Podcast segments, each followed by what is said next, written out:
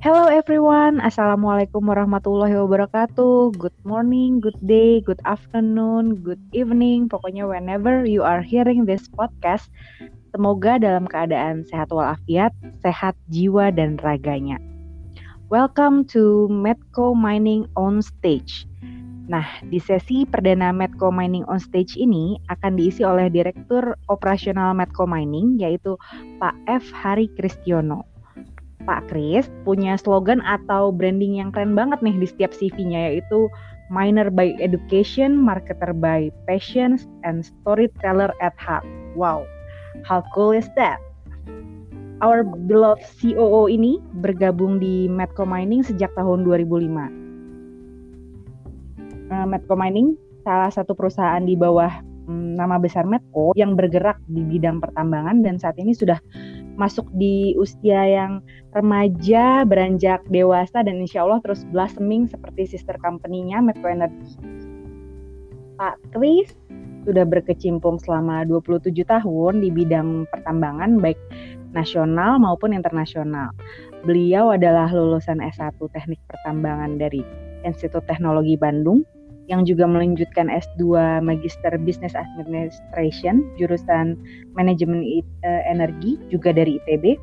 So without any further ado, let's welcome our beloved Chief Operating Officer from Medco Energy Mining International, Pak Kris. Hai, hai, hai, hai. Selamat malam semua. Ini malam minggu ini. Keren banget. Jadi Asik, malam minggu. Malam berfaedah ya, Dedi? Faedah banget untuk dengan menghibur para jomblo. Oke. Okay. jadi jadi tentang mining sama energi ini benar-benar excitement buat aku untuk bercerita dan memang saatnya lah aku bercerita ya biar ini bisa diabadikan, didengar di mana saja dan ini bisa menjadi apa ya?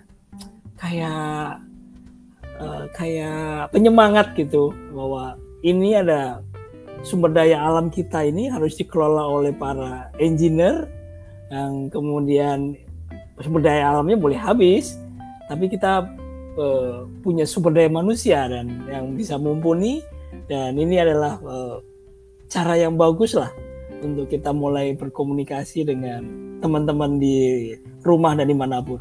Jadi aku disuruh cerita tentang diriku ya Neng Neng. Iya Pak, jadi cita-cita kita bikin podcast ini kan pengen membuat Medco Mining selain sebagai perusahaan tambang, tapi juga yang punya legacy dengan memberikan edukasi ke orang-orang yang bergerak di bidang pertambangan, yang bercita-cita ingin bekerja di pertambangan, atau bahkan orang awam atau anak sekolah atau anak muda kinyis-kinyis yang nggak tahu sama sekali apa sih pertambangan itu. Nah, kan pepatahnya itu kan tak kenal maka tak sayang. Makanya sebelum Bapak mengedukasi, alangkah baiknya Pak Kris memperkenalkan diri sendiri dulu nih gimana Dedi. Oke oke oke.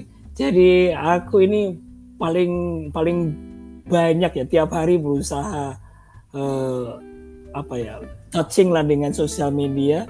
Yang paling banyak ini yang ngikutin aku di di LinkedIn ya sekitar 127 hari ini uh, ribu uh, di wow. LinkedIn kemudian di Facebook uh, lumayan kemudian di Facebook itu juga aku maintain dua. Uh, hmm. ada Medco miningnya juga. Nanti ke depannya memang harus lebih bagus lagi lah dikelola untuk segmented segmented kemudian ada Twitter dan WhatsApp ya. Itu sosial media dan juga aku punya blog ya. Blog sejak masih ya, masih muda itu dimulai. Jadi ada blog uh, coal mining coal min coal and mineral institute kira-kira kayak gitulah. Jadi uh, itu tentang aku dari sosial media bisa dicek nanti uh, uh, bisa ditanyakan uh, sosial medianya apa aja tadi namanya Ini LinkedIn, biasanya. F dari Pristiono sih Neng. Oke. Okay. Kemudian ah ini dia yang apa namaku F Hari Kristiono orang kan biasanya bingung ada F apa itu nah F ini biasanya nama Katolik jadi F ini nama baptis uh, Florentius Hari Kristiono Kemudian uh, aku lahir besar dan ke, uh, di dari Surabaya maka uh, apa istilahnya ya banyak berkecimpung dengan seni seni seni dari Surabaya yaitu ludruk dan nama panggilanku tuh banyak berkaitan dengan uh, masa laluku itu tahu ludruk nggak neng? tahu Dedi yang kayak oh apa zaman sekarang tuh opera Van Java gitu ya Dedi. iya iya Sri Mulat Sri Mulat. Oh iya iya Sri Mulat Sri Mulat kan zaman dulu Dedi anak-anak mungkin nggak nggak oh, tahu kalau ya, Sri. Iya, iya. Oke oke. Sri Mulat anak 90-an banget tuh Dedi. Jadi aku tuh nama panggilan tuh berubah-ubah sejak kecil dipanggil uh, uh, Hari atau Chris tapi kebanyakan orang kalau orang rumah panggil aku Chris kalau orang-orang di lain karena ada F-nya panggilnya akhirnya Hari kapan ngeliat nggak ngeliat Chrisnya lagi tuh. Karena Chris itu nama Kristiono nama nama keluarga ya.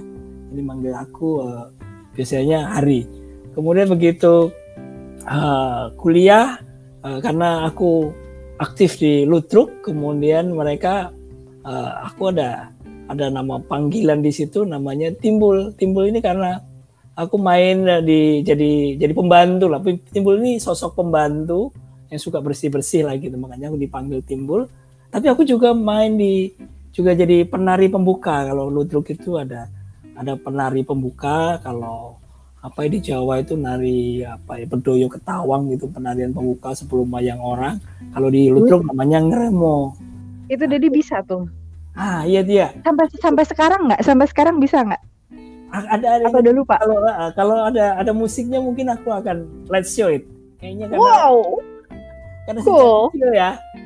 Kalau bukan sejak kecil ini begitu uh, apa di di oh iya ngomongin ini sedikit. Di waktu datang ke Bandung itu aku di orang-orang orang-orang Surabaya tuh punya asrama Jawa Timur. Jadi hmm. uh, kita diajarin ngeremo khususnya. Jadi artinya aku hampir dua tahun lah ngeremo di jadi ngeremo itu sebenarnya Dedi belajarnya baru pas kuliah bukan dari pas kecil kuliah. ngeremo? Karena oh, wow karena apa ya? Tapi aku suka ya nari ya. Nggak suka joget-joget lah. Tapi uh, aku orangnya cupu. Jadi ya jogetnya sendirian aja ya. Belajarnya waktu kuliah. Jadi soal aku pikir aku pikir karena dari kecil gitu udah biasa gitu kan. Maksudnya kalau di Surabaya kan ya biasa lah gitu. Ada kayak muatan lokal lah dulu. Nah kebetulan aku tuh dulu juga pernah tinggal di Surabaya Dedi aku okay. tinggal di Surabaya eh, sembilan empat Dedi. Aku kelas empat. Aku ya di SD Kaliasin tiga waktu itu. Nah, ada kejadian lucu nih Dedi, mm, okay. yang iya nyerempet-nyerempet dikit lah sama ludruknya Dedi. Jadi waktu pas di, tinggal di Surabaya itu, mm, waktu itu kalau nggak salah ini deh, oh kalau di Surabaya tuh yang ramai yang pas 10 November kan, karena yeah. kan hari pahlawannya gitu kan. Yeah, yeah, nah pas yeah. hari pahlawan itu tuh dibikin acara lah di uh, komplek aku tuh di, uh, aku tinggal di dulu di sidoarjo di komplek Perum Pejaya Anugrah gitu. Nah terus di komplek itu tuh bikin panggung, ada bazar-bazar. Nah, terus nah uh, karena baru tinggal di situ kan dulu lucunya tuh kayak uh, eh, TV aja tuh iklan segala macam tuh pakai bahasa daerah kan. Pakai yeah. bahasa Surabaya, ter eh pakai bahasa Jawa gitu. Terus uh, aku kenal tuh sama yang namanya Kirun. Nah, terus ya pelawak gitu kan. Itu Kirun tuh masuk ludruk nggak ya, Dedi? Kategorinya. Iya, Kirun ludruk. Iya, nah aku. Nah, terus Nah, pas lagi di bazar itu bisa ditulislah tuh sedia ta, uh, temu lawak tradisional. Oh ya udah dong, uh, aku berdi aku tungguin tuh di depan apa di depan stand itu aku berdiri aja sampai wah wis bubaran semua lah pokoknya. Udah bubaran terus akhirnya orangnya nanya ke aku kamu uh, apa dikirain kan anak hilang kali ya? Gitu. Kamu kenapa di sini terus? Bilang gitu iya ini ada temu lawak tradisional. Mana pelawaknya? Aku bilang gitu. Jadi wah langsung dia ketawa. Terus dia manggil-manggil orang-orang. Wah ternyata anak ini dari tadi di sini bukan anak hilang tapi dia nungguin pelawak gara-gara temu lawak tradisional gitu. Aduh. Jadi itulah anak Jakarta yang cupu juga dari baca temu lawak tradisional ini bakal ketemu pelawak gitu temu lawak tuh. Jadi akhirnya Karena kan, tahu artinya temu lawak kan minuman itu iya jadi akhirnya sama, sama yang di stand itu akhirnya aku dikasih tuh satu botol minuman kuning itu. Ini londo temulawak biar kamu tahu. Ya akhirnya aku bawa ke rumah orang diketawain juga sama saudaraku. Aku kan numpang waktu sama saudaraku diketawain juga. Oh gitu ya lumayan lah dapat minuman temulawak gitu. Makanya ke dapur kata sepupuku yang cowok. Iya iya iya. Gitu aku, deh. uh, menarik menarik. Jadi memang apa ya uh, orang Surabaya ini lebih lebih apa lebih terbuka karena orang pesisir kan. Jadi uh, hal kayak gitu tuh jadi pada lucon. Karena kadang-kadang panggilan pang apa nama-nama kayak gitu kan dia ganti-ganti sesukanya kembali ke roleku di Ludruk tadi. Mm-hmm. bahwa di Ludruk ini aku punya role yang uh, apa ya istilahnya jadi tadi kan jadi pembantu tapi uh, bukan kayak Paris apa kayak Ludruk apa tadi? Eh kayak Ludruk apa oh, opera Van Java. Opera Van ya itu agak-agak ini karena slapstick gitulah. Nah, bercandaannya. kita di ITB itu zaman dulu sampai sekarang masih ada kok. Cuma oh, sekarang iya, karena iya. apa ya kurang anak-anak sekarang. Ini dulu karena memang masa-masanya masa-masa hmm. kacau balau baru lah jadi waktu itu ludruk hmm. itu jadi kita namain ludruk engineering jadi jadi simbol perlawanan jadi kita sering di dipanggil oleh uh, oleh suatu kegiatan event hanya untuk uh, istilahnya mengkritik pemerintah jadi peranku di pembantu itu untuk untuk ngelemparin apa ide-ide isu-isu kemudian jadi bahan bahan apa bahan bahan bahan guyonan kira-kira gitu. Mm-hmm. Nah, oleh karena itu aku namaku jadi hilang itu bukan Chris lagi, even bukan Hari. Jadi namanya dipanggil oleh uh, oleh oleh even dosen di kampus tuh orang eh, nggak uh, tahu yang namanya Chris Hari itu nggak tahu tahunya timbul. Aduh lucu banget. Dan ada Oh jadi di angkatan yang terkenal juga manggilnya tadi lucu tuh. Bapak apa, apa, datang dari Surabaya ke asrama. Mm-hmm. Dia nanya, Chris ada kan gitu kan nama Pak kecilku kan emang Chris. Jadi Chris ada.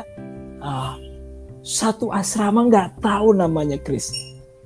Memang kebetulan waktu itu aku nggak ada di nggak ada di asrama kan lagi kuliah. Bapak datang. Uh, bingung bapak itu. Tapi begitu lucunya ya, begitu setelah dia kasih tahu aku orang Surabaya, Surabaya rumahnya deket uh, Wonokromo, deket terminal, akhirnya ya udah itu namanya uh, Kris itu Pak, sekarang namanya timbul. Wala ya Allah. Ini, Cok gak Bapak? Anakku, aku kasih Anak. nama bagus-bagus hari.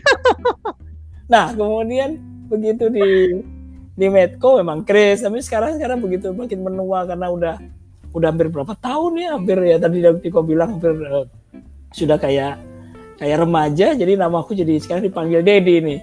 Uh, jadi uh, itulah namanya berubah. Jadi ada Abah, Abah ini yang senior kita, kemudian baru aku, uh, Dedi. Itu kira-kira Neng. Oke, jadi itulah tentang Dedi dan berbagai nama panggilannya.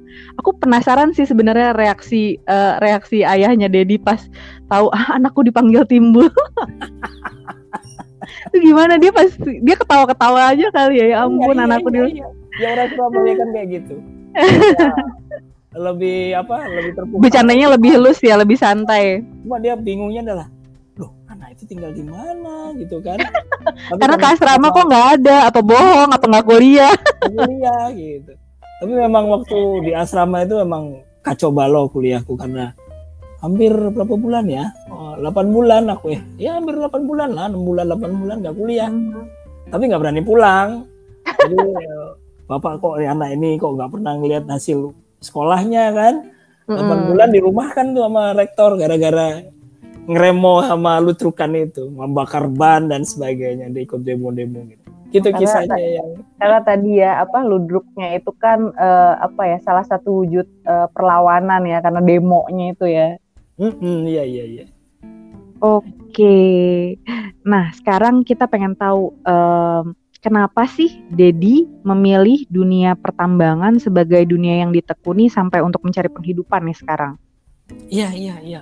Ini apa ya? Apa kayak kayak dikutuk ya. Jadi uh, kalau flashback dulu sedikit waktu uh, waktu di waktu masa kecil waktu SMA waktu itu kan cupu ya bukan pacaran bukan uh, ngegeng motoran gitu enggak aku hmm. lebih banyak bantuin uh, bapak kan ayahku untuk beliau dikerja di Bank Mandiri sekarang zaman dulu namanya Bank Bumi Daya yang ngurusin uh, uh, apa istilahnya uh, pertambangan. Jadi Freeport, PTBA, Antam uh, waktu itu namanya uh, ada satu lagi yang sekarang namanya Vale dulu namanya Inco. Jadi bapak ngurusin itu.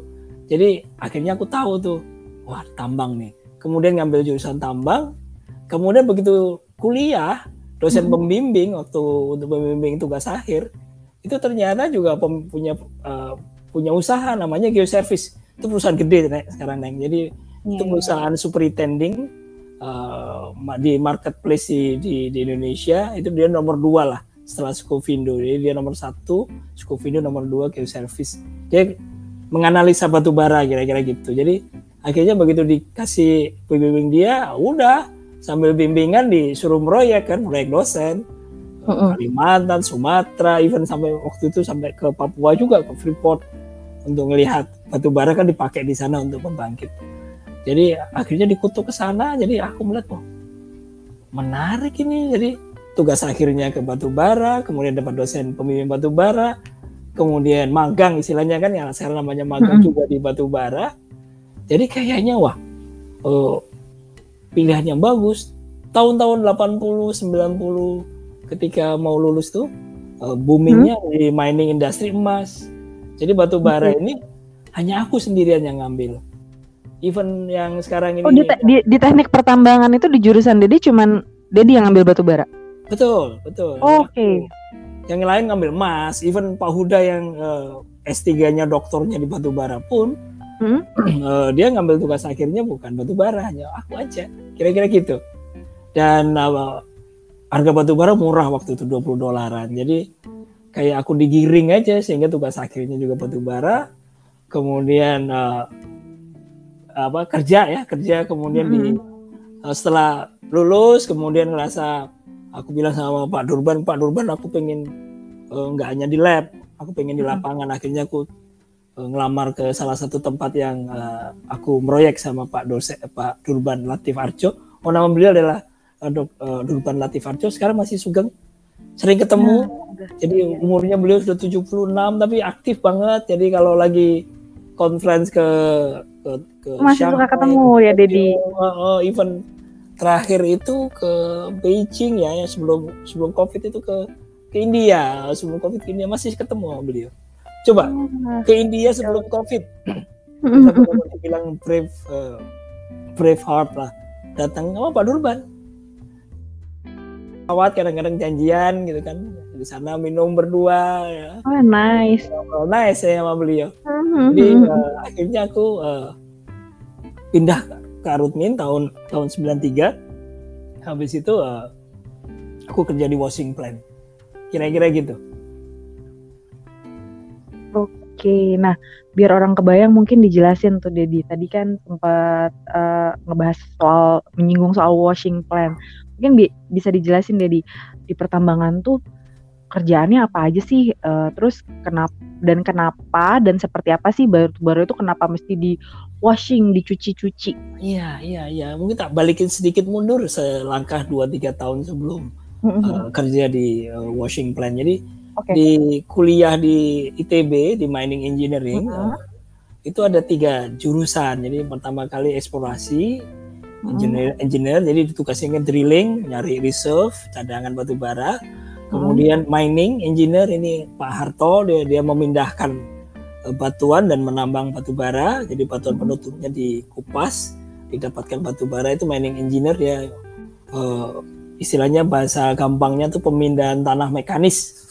Jadi itu orang sipil juga bisa, cuma kebanyakan orang sipil nggak diajari ilmu tentang mulai drilling, mining hmm. engineer juga juga diajari tentang pengetahuan pemanfaatan batu bara uh, uh, ke ke hilir ke ke hilirnya. Jadi habis dikupas habis hmm. itu di, diproses ya jadi makanya di jurusan kita ada namanya uh, uh, sebenarnya proses engineer tapi kita namain di kalau di kampus namanya metalurgis oh, nah itu uh, ada jurusan eksplorasi okay. mining hmm. sama metalurgis okay. nah aku milih yang yang yang metalurgis kenapa milih metalurgis karena so simple aja sih waktu itu karena mama bilang kamu udah ninggalin aku dari Surabaya sekarang sekolah di Bandung ntar lagi mau masuk ke terowongan-terowongan. Karena dia pikir pas aku meroyek ke Freeport kan terowongan hmm. tuh. Dia bilang jangan masuk terowongan cari yang uh, aman. Kan beliau takut tuh keruntuhan di terowongan. Jadi Oke, akhirnya image-nya dia dari image uh, image zaman dulu ya. Zaman dulu. Akhirnya milih yang metalurgis. Nah begitu metalurgis uh, semua orang di metalurgis itu ada ada oh, maaf. Metalurgis sendiri ada bidang keahlian sendiri ketika tugas akhir tadi ketika pemilihan tugas akhir. Yaitu adalah uh, metalurgis pengolahan bahan galian. Jadi kemudian ini batu apa bahan, bahan galiannya diolah. Biasanya crushing, diremuk, dipisahkan, di blending itu namanya pengolahan bahan galian. Kemudian metalurgi ekstraksi itu adalah ngambil uh, logam uh, mineral yang berharga dengan panas namanya pirometalurgi dengan air namanya hidrometalurgi. Kemudian yang terakhir adalah metalurgi fisik.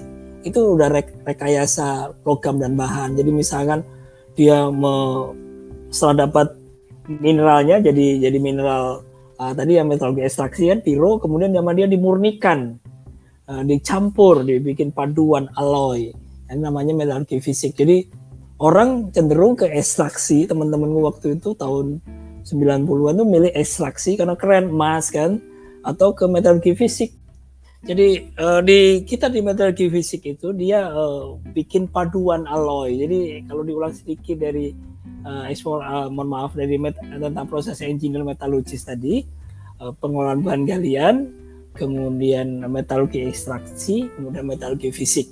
Nah, kemudian yang milih uh, para lulusan sekitar 50 orang itu, uh, iya satu angkatan sekitar 50-an itu yang nanti ketika masuk ke tugas akhir atau yang itu semua ke metalurgi ekstraksi karena tahun-tahun itu emas lagi booming. Keren lah emas. Kalau hmm. metalurgi fisik dia akan kerja di uh, di di Krakatau Steel. Jadi dia bikin logam uh, bikin baja paduan baja lah. Yang memilih pembolahan bahan galian cuma aku. Dan dosen pembimbingnya cuma Pak Durban karena Pak Durban itu jarang uh, jarang di kampus lah kira jadi orang nggak mau bimbingan sama Pak Durban kira-kira. Aku malah enjoy karena beliau ada di geoservice jarang di kampus. Jadi aku lebih keluyur lebih suka keluyuran proyek sama beliau. Kira-kira gitu kisahnya tentang uh, uh, apa uh, metalurgi fisik kemudian kalau ngomongin uh, di pengolahan bahan galian sendiri itu adalah uh, dia isinya adalah batu uh, bahan bahan galiannya itu di crushing uh, diremuk, kemudian di washing, dicuci abunya biar kualitasnya naik. Habis itu di blending. Di blending itu untuk biar uh, biar mencapai target kualitas tertentu, kira-kira gitu. Mm-hmm. Jadi itulah yang dimaksud dengan uh, washing plan. Jadi aku tukang cuci kira-kira gitu. Uh, masa kerja pertama ketika di di dunia batubara real world ya, bukan di lab mm-hmm. kayak di service. Kira-kira gitu, Neng. Oke. Okay. Nah, menarik banget tuh tadi uh, soal macam-macam uh, apa jenis pekerjaannya. Mungkin next time kita bisa bikin session sendiri-sendiri tuh soal masing-masing role tadi. Iya, iya, ya, keren, keren, keren. Jadi kalau ngomongin uh, uh, kisahku lah setelah setelah jadi mm -hmm. Jadi jadi washing plan, jadi tukang cuci. Hampir lima uh, tahun aku kerja di lapangan, jadi uh, berpindah-pindah uh, lokasi sama istriku. Sudah sudah mulai punya anak. Istriku juga paramedik. Dia ikut hmm. aku. Jadi di lapangan ya di situ punya momongan. Uh, aku akhirnya uh, pengen uh, apa istilahnya pengen mengembangkan diri lah uh, dari tam dari operasi sudah sama Pak Harto waktu itu di jadi hmm. managing engineer Pak Harto aku metalurgis habis itu aku uh, pengen belajar tentang uh, karena aku kerja juga di pelabuhan hmm. akhirnya aku wah lamarlah di bagian uh, transport and logistik. Jadi pengen jadi uh, yang mengirim batu baranya itu ke ke pembeli ke cold terminal waktu itu. Jadi aku ngamar, eh ternyata malah uh, diterima jadi market orang marketing tahun uh, berapa ya? tahun tahun tahun tahun sembilan tujuh sembilan delapan gitu pindah ke marketing. Nah, jadi di marketing, habis itu di marketingnya uh, uh, aku belajar banyak di situ, mulai dari uh, di kerja di uh, marketing transport dan logistik ya di Terminal kemudian jadi uh, marketing analis kemudian akhirnya benar-benar jadi uh, seller jadi bertemu dengan buyer tapi karena aku punya background mining engineer mm-hmm. kalau aku bercerita tentang batu bara itu orang senang banget karena aku paham kan apa yang dilakukan sejak di eksplorasi sejak di sejak di drilling karena orang marketing mm-hmm. ini kebanyakan adalah orang-orang manajemen, orang-orang apa ya ekonomi. Jadi hmm. ketika aku bercerita mereka senang banget karena penuh dengan perasaan kira-kira kayak gitu. Gitu neng ceritanya. Oke, terus gabung Medco-nya gimana tuh Dedi? Oh iya, uh, terakhir itu posisi di Singapura. Jadi aku di marketing ngurusin uh, uh, bukan hanya jualan batu bara di Indonesia kan aku seller kan. Jadi aku mm. base di Singapura uh, tiap Jumat pulang ke Indonesia Senin ke Singapura. Istri akhirnya nggak mau nggak mau tinggal di sana dia tinggal di di, di Indonesia di Jakarta. Akhirnya aku uh, punya pikiran kok kelamaan juga nih di di luar negeri nih. Habis itu ya mulai ini mulai ah sebenarnya bukan aku memulai ya. Aku tuh orangnya nggak suka memulai sesuatu. Jadi pertama kali kan di Arutmin tuh udah hampir 15 tahun juga tuh.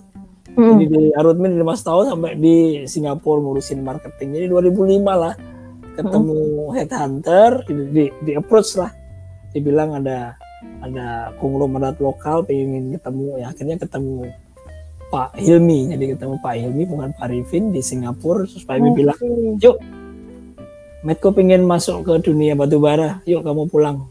Nah, udah aku pulang. Bikin uh, Medco mining sama Abah Tony waktu itu tahun 2005 jadi uh, ketemu sama Pak Hilminya tuh bukan di kampus ya, Dedi walaupun sama-sama ITB. Ah iya iya. Jadi jadi ketemunya justru dari headhunter taunya. Hmm, karena hmm. ketemunya dari headhunter habis itu Pak Hilmi bilang bahwa ada temenku tuh uh, Abah Tony. Jadi akhirnya aku pulang ke Bandung ketemu Abah Tony. Abah Tony waktu itu masih jadi pegawai negeri ya. Next time kayaknya perlu juga tuh cerita tentang Abah Tony oh, pasti pasti ya, pasti. uh, iya iya. Jadi aku ketemu Abah Tony kemudian kita bikin uh, uh, Medco Mining sampai 2009 pindah ke ke Medco Energy TBK karena pengen digedein.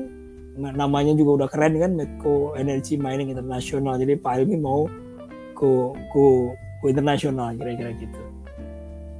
Wow. Menarik banget tuh Dedi uh, bisa banget tuh tadi kita bikin beberapa episode podcast Medco, ah, iya, Medco iya. Mining on Stage.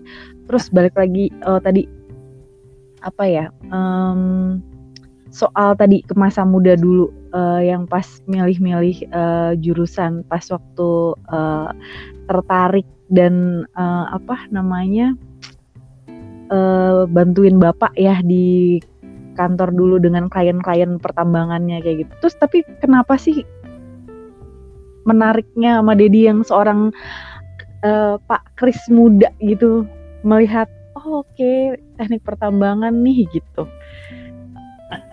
iya iya iya iya. Jadi memang pemicunya adalah uh, buat buat kita yang masih muda yang apalagi mm -hmm. yang moga-moga yang dengerin anak-anak yang SMA mm -hmm. adalah uh, cobalah mendengar gitu ya. Aku karena aku udah orang tua jadi mendengar sekitar dan melihat uh, lihat sekitar. Dan terutama buat kita yang yang yang udah tua kayak aku Kemala gitu berikan lingkungan ketika uh, experience lah ke anak. Ketika dia biar uh, mengalami sesuatu biar dia memilih.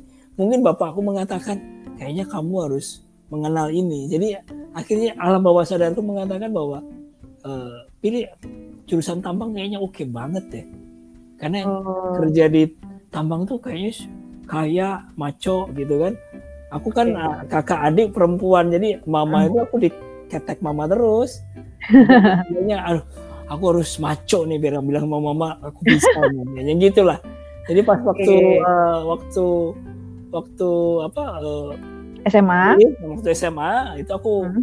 milihnya oh kebetulan aku ya ya itu tadi cupu kemudian kerjanya belajar pacaran juga enggak. Uh, aku dapat PMDK kira-kira gitulah. Aku milih uh, PMDK-nya uh, pertambangan ITB satu. Uh, yang keduanya adalah teknik industri ITS uh, orang-orang sana mengatakan bahwa kalau kamu ke ITS kalau di dari SMA 6 Surabaya pasti kayak pindah pindah kelas aja pasti ketemu lah kalau pasti keterima lah ITS teknik industri kan. Mm-hmm. jadi tak taruh pilihan kedua dengan pasti keterima. Ya pilihan satunya itu ah ini kan uh, mimpi mencari tantangan gitu ya uh, Dedi di masa masa muda kan. Wah ITB pertambangan kayaknya wow. Uh, terus kemudian waktu itu di sana waktu apply juga teknik industri itu saingannya gede banget banyak banget. Kalau pertambangan tahun-tahun 86 itu nggak ada milih sana neng. Jadi akhirnya hmm. ya udah malah keterima di ITB gitu kisahnya. Oke mungkin selain karena uh, lebih menantang tadi yang lebih maco mungkin ini juga ya Dedi. Uh, bosen ah, bosen nih di Surabaya kabur. Ah kayaknya iya iya iya iya, iya. aku pengen tuh kabur ah. dia, dia bilang uh, lagi ngapain? Gitu kan si mamahku tuh aduh hmm. pokoknya ke mana aja nganter jemput dia. Jadi aduh aku nganter jemput kakak adik kan ada hmm. kapan lagi aku punya satu ruangan di mana aku bisa melakukan apa pun yang aku mau. Tapi sebenarnya itu kuyon ya. Yang pasti yeah. sebenarnya aku suka sama sama matematika ya kan? Suka sama fisika. Dan uh, menurut aku tuh ilmu yang penting ya buat STEM ya.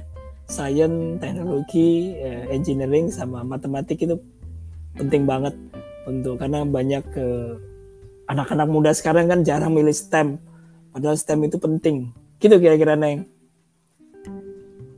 iya, ya ini juga sih apa namanya udah terbukti juga sih karena kan kalau seandainya apa ya bukan benar-benar pilihan mungkin Dedi nggak stay selama itu 27 tahun di pertambangan udah bukan waktu yang sebentar Dedi. Almost hampir iya hampir seumur aku orang Dedi masuk kuliah itu aku umurnya satu tahun. Aku lahir 85 kan. Jadi wow selama itu Dedi berarti Dedi udah kalau seandainya di kalau uh, apa pas waktu kuliah counting es berkecimpung di bidang pertambangan juga bukan hanya di kerja jadi udah 35 tahun bergerak mempelajari dan mencintai pertambangan ini. Iya. Oke, okay, Dedi. Uh, iya karena uh, apa ya dari tadi kan angkatan satu angkatan 54 lulus tuh 25-an. Uh, aku tuh sama Omarto tuh kayak pinang di belah dua jadi ke mana-mana kos juga bareng ya. Kalau dari 25 itu yang ada di dunia tambang mm itu nggak lebih dari jari tanganku. Oh. jadi lebih dari mungkin jari tanganku tangan yang kiri aja tuh yang lima aja mungkin nggak full jari tangan selebihnya itu teman-teman itu pada yang jadi pebisnis bankers dan hampir orang-orang tambang kayak gitu. Eh, nggak uh, ada yang menekuni dari sejak awal di di industri ini. Sayang banget. Sayang banget. Ya, sedangkan ini penting banget uh, mining ini untuk dikelola dengan bagus. Karena uh, apa ya ada sedikit uh, ungkapan ya uh, buat anak-anak muda ini. Orang tuh sama mining tuh kayak antipati gitu neng karena nah, dia nanti... pikir uh, akan merubah rona alam ya kan okay. tapi ingat yeah, yeah arsitek, orang hmm. sipil, hmm. orang yang bangun apa pun itu yang gedung bertingkat apartemen hmm. itu dia merubah rona alam juga. Bedanya kalau mining merubah rona alam dia ke bawah. Ya kan? Ada lubang ya. nantinya hmm. kan. Kalau arsitek, civil engineer yang dikagum-kagumi itu kalau bikin gedung bertingkat bagus mereka bilang, "Uh, keren hmm. banget." itu rona alamnya berubah neng itu kan ke atas apa iya. bedanya dengan aku yang ke bawah aku juga membawa tanpa aku kalian gak punya handphone loh tanpa mining nah, paling gampang aja kalian mau nyolokin handphone kalian pakai apa kalau nggak ada listrik listriknya dari aku dari batu bara kira-kira iya. gitu iya dan jangan lupa Dedi uh, apa tadi uh, untuk membangun rumah bangunan segala macam butuh semen. Nah iya. Gak, ada, gak ada rumah kalian mau tinggal rumah di tanah lempung kira-kira gitu. Iya nanti kita menarik banget sih ini obrolan-obrolan kita dan episode-episode selanjutnya pasti insya Allah akan menarik juga uh, tentang mungkin Dedi bakal mengadvokasi atau mengedukasi soal ya inilah uh, the good side dari uh, pertambangan atau batu bara. Nah, Dedi, sekarang coba kasih suggestion deh buat uh, anak-anak muda atau orang-orang yang sekarang bergerak di bidang pertambangan dan yang pengen kerja di bidang pertambangan mungkin ya dengan apa ya dengan uh, bad stigma yang ada mungkin jadi galau atau gimana nah mungkin Dedi bisa kasih saran nih buat yang mendengarkan ini. Iya bahwa uh, sekarang ini uh, tapi alhamdulillah ya neng ngomongin uh, jurusan tambang memang masih masih ada di di ITB masih ada dan sekarang agak lumayan banyak sekitar satu angkatan tuh seratusan nggak wow. minggu jadi udah mulai membanyak karena jurusan tambang. Walaupun di di Australia di beberapa negara jurusan mining engineer itu di berkurang ya?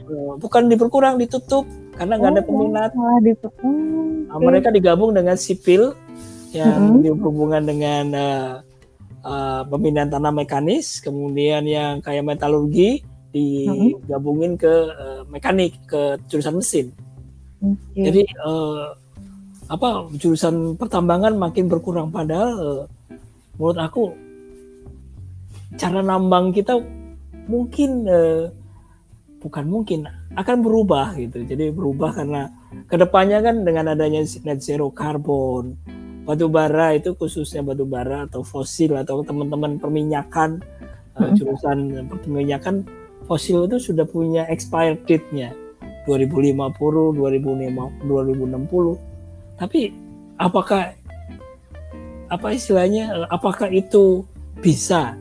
Dan sekarang aja teman-teman bisa lihat harga batu bara bisa sampai 280 neng.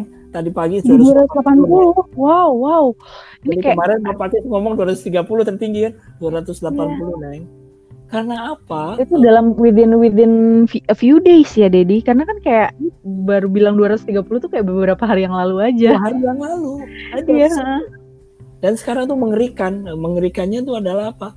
Uh, pandemi kemudian hmm. uh, pent up demand. Jadi orang hmm. merasa demandnya keketahan sekarang begitu hmm. covidnya udah lepas dia dia langsung ekspektasinya gede banget akhirnya dia uh, mencoba meningkatkan produksi tapi dia lupa semua infrastruktur yang berhubungan hmm. dengan fosil kan sejak hmm. beberapa tahun yang lalu kan sudah dikurangin jadi orang udah nggak mau lagi invest ke fossil fuel jadi akibatnya apa? Fossil fuelnya kurang karena orang-orang yang uh, transisi ke green energy sudah menganggap green energy itu sudah siap. Mereka menganggap bahwa tenaga matahari, tenaga angin itu sudah siap. Ternyata belum. Sehingga sekarang di Eropa fossil fuelnya naik, harganya orang berlomba hidupin lagi PLTU yang ke, setahun yang lalu ditutup, dimatikan, sekarang dinyalain lagi. Tapi mereka lupa kalau terminalnya ternyata udah dibongkar. Jadi bongkar batu bara pakai apa? Hmm. Konveyornya udah nggak ada. Jadi uh, kereta api itu bawa batu baranya udah nggak available lagi karena udah diganti gitu. Jadi investasinya udah berkurang, infrastrukturnya nggak ada. Uh, jadi menurut aku tuh di di mining atau yang di fossil fuel itu hmm. masih panjang kalau ngomong 2050 hmm. tapi kita akan mengarah ke energi yang bersih contohnya sekarang uh, batu baranya yang dibakar nanti karbonnya atau karbon dioksidanya di, di dimasukkan lagi diinjek ditangkap diinjek lagi ke ke perut bumi itu caranya untuk uh, karbon dioksidanya nggak dilepas jadi eh, teknologi yang lebih bersih jadi untuk aku melihat ke depannya bahwa uh, apa yang kita lakukan sekarang ini akan mengarah ke bersih. Kemudian cara nambang kita juga akan berubah. Cara nambang kita lagi mungkin nggak akan nambang kayak sekarang ini batu bara, tapi nambang di laut gitu misalkan. Karena di laut itu ternyata potensinya banyak banget. Jadi laut harapan kami juga nambang di kedalaman seribuan kilometer itu nggak akan merubah ekosistem. Padahal memang merubah ekosistem. Tapi yang tadi rona alamnya akan berubah kita ke bawah kira-kira gitu. Jadi uh, mining uh, masih dibutuhkan selama kalian masih memakai handphone. Gitu nih oke jadi suggestionnya gimana tuh Dedi jadi suggestionnya uh, tekunin uh, kalau sudah ada di uh-huh. teman-teman yang sudah memilih mining tekunin uh-huh. karena ini akan uh, akan masih nggak berakhir kira-kira gitu. Okay. Kemudian yang belum memilih, hmm. pilihlah mining karena terus kalau nggak ada orang mining, bahan dasar kita, komoditas kita, semen itu masih belum tergantikan, masih masih perlu pakai batu bara. Okay. Uh, chemical kita, plastik kehidupan kita nggak jauh dari plastik, mm -hmm. masih dari fossil fuel, entah itu dari batu bara, entah itu dari minyak jadi uh, apa ya? Masuk ke mining, kemudian masuk belajar tentang uh, tetap ke eksplorasi, kemudian ke mining kalau mau ke mining engineer adalah tadi tentang pembinaan tanah mekanis atau sekarang ini karena galau teman-teman banyak yang ke arah uh, metalurgi. Nah, metalurgi kan dia bisa ngolah apa pun, tapi mm. ingat ngolah apa pun kan tetap bahan tambangnya harus didapat gitu kira-kira. Oke. Okay ya mungkin uh, apa ya positifnya kita jangan terlalu antipati sama apa sih um, pertambangan atau segala sesuatu yang tentang fossil fuel karena justru dengan kita belajar atau bergerak berkecimpung di dalamnya justru kita mempelajari gimana cara dengan uh, uh, menggalinya secara apa ya lebih eco friendly, lebih bersih, yang lebih bersahabat kayak gitu. Kalau nggak nggak ada yang pelajarin, mungkin ya jelas aja ilmu kan berkembang ya yang dulu aja pertambangan yang ibunya Dedi takut Dedi akan tertimpa runtuhan kayak gitu itu kan sekarang berbeda kan caranya segala macamnya kan terus berkembang yang jadi lebih aman lebih bersahabat sama alam kayak gitu nggak Dedi? Coba di koreksi iya, iya, iya iya betul betul betul. Jadi uh, jangan sampai memang uh, apa istilahnya kan sekarang ini lagi lagi digembar-gemborkan batu bara itu ditaruh dalam suatu uh, kayak masuk museum lah batu bara masuk museum hmm.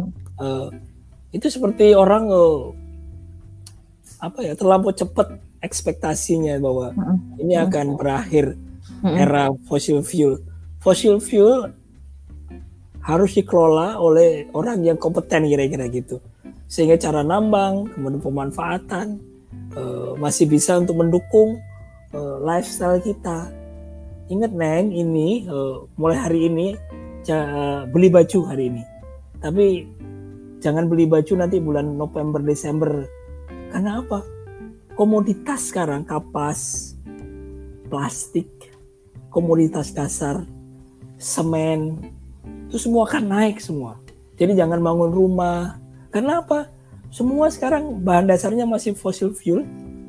Fossil fuelnya mahal banget Kira-kira gitu. Jadi nanti beli ketika harga batu bara atau harga minyak. Minyak udah nembus ke 92. Batu bara 280. Minyak itu kemarin harganya sampai 10 dolar, Neng.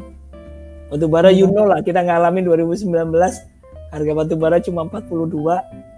Mohon maaf 49, sekarang 280. Jadi ketika orang mengatakan aku berhenti mengkonsumsi fossil fuel, kemudian aku nggak mau investasi lagi ke fossil fuel, dampaknya ya sekarang ini kita lihat di Cina udah mulai pemadaman. Jadi ketika ya kalau di jalan-jalan di Cina sana nggak akan nggak ada lagi lampu-lampu di penerangan di pinggir jalan nggak ada. Even saya apa uh, lampu-lampu iklan nggak boleh. Even sekarang produk semen atau hmm. industri disuruh ngurangin kapasitasnya.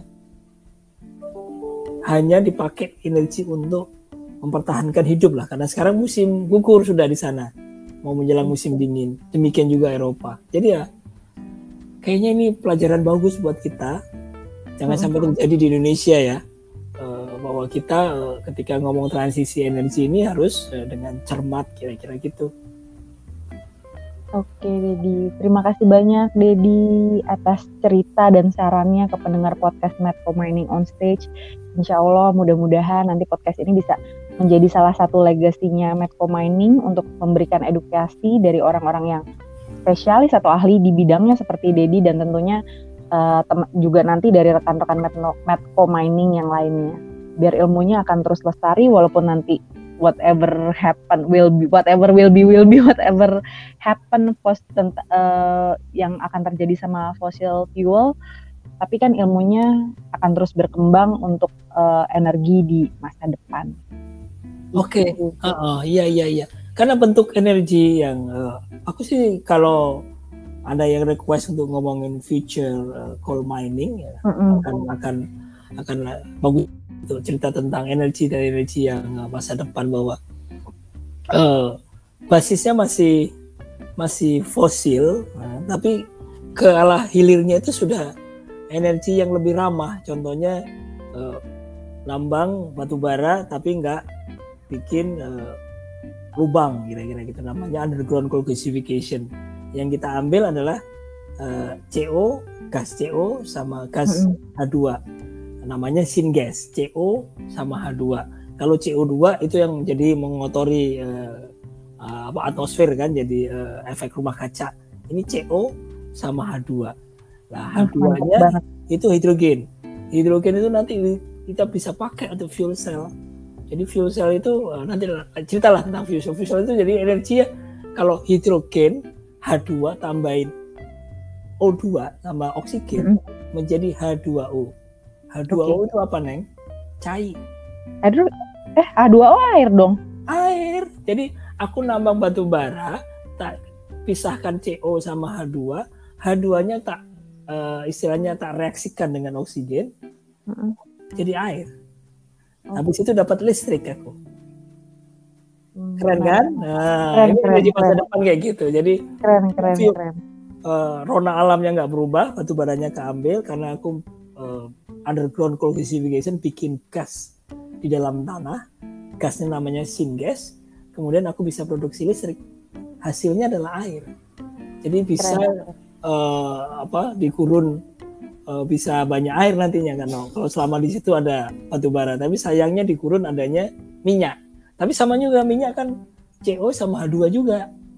Jadi H2-nya uh, direaksi dengan oksigen menjadi uh, air dapat listrik kira-kira gitu neng menarik oh, menarik banget Dedi mudah-mudahan juga yang mendengarkan nih uh, akan terus tertarik sama podcastnya episode-episode selanjutnya dan sama antusiasnya nih sama kita dengan seperti kita bercerita oke okay, I think enough for our first episode terima kasih Dedi Assalamualaikum warahmatullahi wabarakatuh. Good morning, good day, good afternoon, good evening. Pokoknya whenever you are hearing this podcast, stay safe and stay healthy.